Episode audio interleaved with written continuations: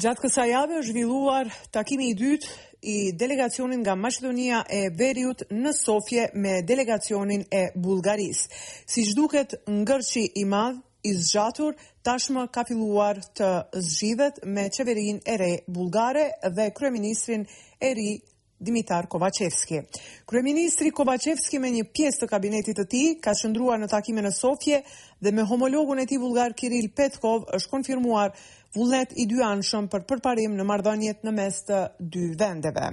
Në konferencë të përbashkët për media, kryeministri bullgar ka njoftuar se janë nënshkruar tre memorandume në sfera të rëndësishme siç janë bujqësia, ndërmarrjet e vogla dhe të mesme dhe zhvillimi i linjës hekurudhore Shkup, Sofje.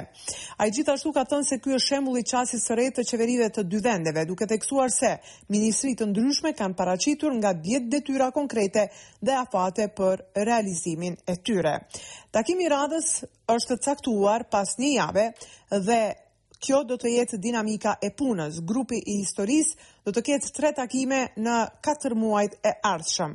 Këto memorandume kanë për qëllim zhvillim ekonomik të rajonit, të cilin zhvillim do ta ndjejnë qytetarët e Republikës së Maqedonisë së Veriut dhe Republikës së Bullgarisë, por edhe zgjidhjen e shumë kontesteve të tjera historike, ka thënë Petkov. Për më tepër ndjekim deklaratat e homologëve Petkov dhe Kovaçevski. Ne me Dimitarin vërejtëm një nivel tjetër entuziazmi të punës dhe përcaktimeve për një regjim të ri të punës së komisioneve, tha zoti Petkov, ndërsa bëri të ditur se në katër muajt e ardhshëm do të mbahen tre takime zyrtare dhe se do të ketë shumë punë intensive ndërmjet këtyre takimeve. Kriterium za uspešnost je Sa i përket çështjeve politike, kriteri i suksesit është nëse me anë të dialogut në të gjitha këto komisione dhe me dialog politik midis dy qeverive, arrijmë marrëveshje dhe brenda një afati të shkurtër të hapim konferencën ndërqeveritare me Bashkimin Evropian.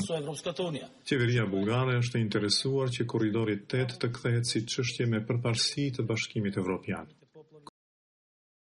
Ndërkohë opozita maqedonase ka kërkuar zgjedhje të parakohshme dhe shfuqizim të menjëhershëm të krijimit të qeverisë teknike në të ardhmen. Propozim ndryshimi i ligjit për qeveri teknike, i cili parashikon shfuqizimin e modelit, tashmë është përkthyer dhe është shpërndarë tek deputetët. Këtë nismë e ka marrë VMRO DPMNE. Deputetët do të kenë mundësi të shohin se cilat janë synimet konkrete të kësaj partie, Përmes kësaj nisme, ndërkaq kreu i Kuvendit, Talat Xhaferi, në një deklaratë ka konfirmuar se ligji do të jetë në rend dite në seancën që do të mbahet menjëherë gjatë javës së ardhshme.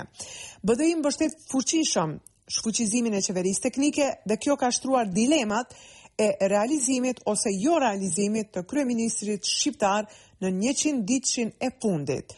Megjithatë, LSDM dhe BDI janë pro shfuqizimit të qeverisë teknike, por këmbngulin që ndryshimet të bëhen me konsensus të përbashkët të të gjitha partive.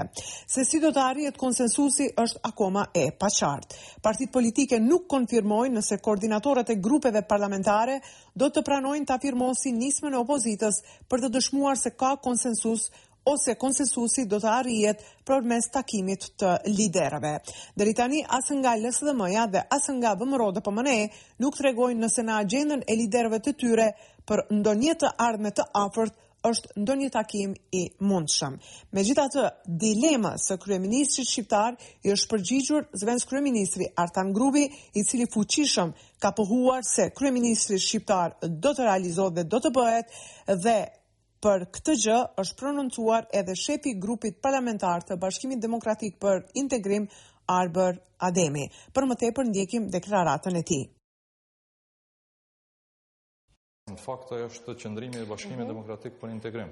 Ne kemi thënë jo kryeministër teknik, po kryeministër me mandat të plotë politik në 100 ditët e fundit. Megjithëse, ndryshimet, plotësimet në kodin zgjedhor duhet të bëhen me konsenzus, ne jemi të hapur që të diskutojmë, debatojmë lidhur me gjetjen e një konsenzusi për sa i përket ndryshimit të kodit zgjedhor, se me të vërtetë është jo logjike, është e pakuptim vend anëtar i NATO-s, vend i cili do të hap negociata për anëtarësim në Bashkimin Europian, të ketë qeveri teknike si rezultat i mosbesimit ndaj institucioneve në zbatim të një procesi elektoral, në një sfidë elektorale. Në anën tjetër, partia opozitare Besa dhe kryetari Bilal Kasami, kryetar aktual i Tetovës, ka filluar përpjekje për përforcimin e radhëve për zgjedhjet e partisë së tij që do të mbahen në mars. Fatmir Limani, ish zëvendësdrejtor i ELEM nga radhët e BDI-së, i njohur ndryshe si i pakënaqur dhe një nga të pranishmit e grupit të zjarrit brenda kësaj partie, kandidat i pavarur për komunën e Kërçovës në zgjedhjet e fundit të tetorit, i cili nuk kaloi që në raundin e parë, tashmë publikisht i është bashkuar me gjithë trupën e tij të pavarur të partisë, Partisë Besa. Për më tepër do të ndjekim deklaratën e Bilal Kasamit rreth këtij akti. Ne kemi qenë në komunikim permanent me shumë aktivistë, një ndër ata kryesorët ka qenë Fatmiri me cilin sot ne edhe e publikojmë bashkëpunimin për të ardhmen.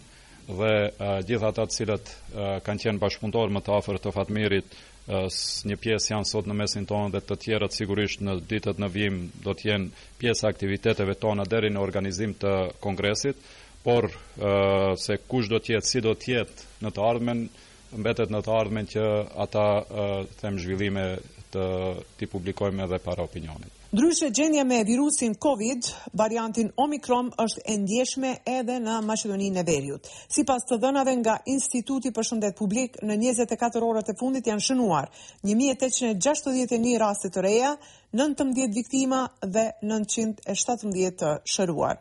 Numri i përgjithshëm i personave të diagnostifikuar me Covid në Maqedoninë e Veriut që nga fillimi i epidemisë është dyqind e gjashtëdhjetë e një mijë e treqind e dyzet e shtatë, i të shëruarve dyqind e tridhjetë e një mijë e njëqind e shtatëdhjetë e nëntë, ndërkaq numri i viktimave shkon në tetë mijë e dyqind e tetëdhjetë e pesë. Masa shtesë për momentin nuk ka nga qeveria përveç respektimit të mbajtjes së maskave, distancës dhe certifikatave të vaksinimit në ambiente të mbyllura. Në mbledhjen e fundit të qeverisë është vendosur që karantinimi për personat e prekur me Covid Omicron të zvogëlohet nga dhjetë ditë në shtatë. Kurse sa i përket fillimit të mësimit, Ai është shtyrë për shkollat fillore e të mesme deri më një shkurt, ndërkaq universitetet do të fillojnë semestrin e dytë më pesëmbëdhjetë shkurt. Ministri i Shëndetësisë, Bekim Sali, ka paralajmëruar se procesi mësimor do të zhvillohet me prezencë fizike. Për Radion SBS raporton nga Republika e Maqedonisë së Veriut, Besiana Mehmedi.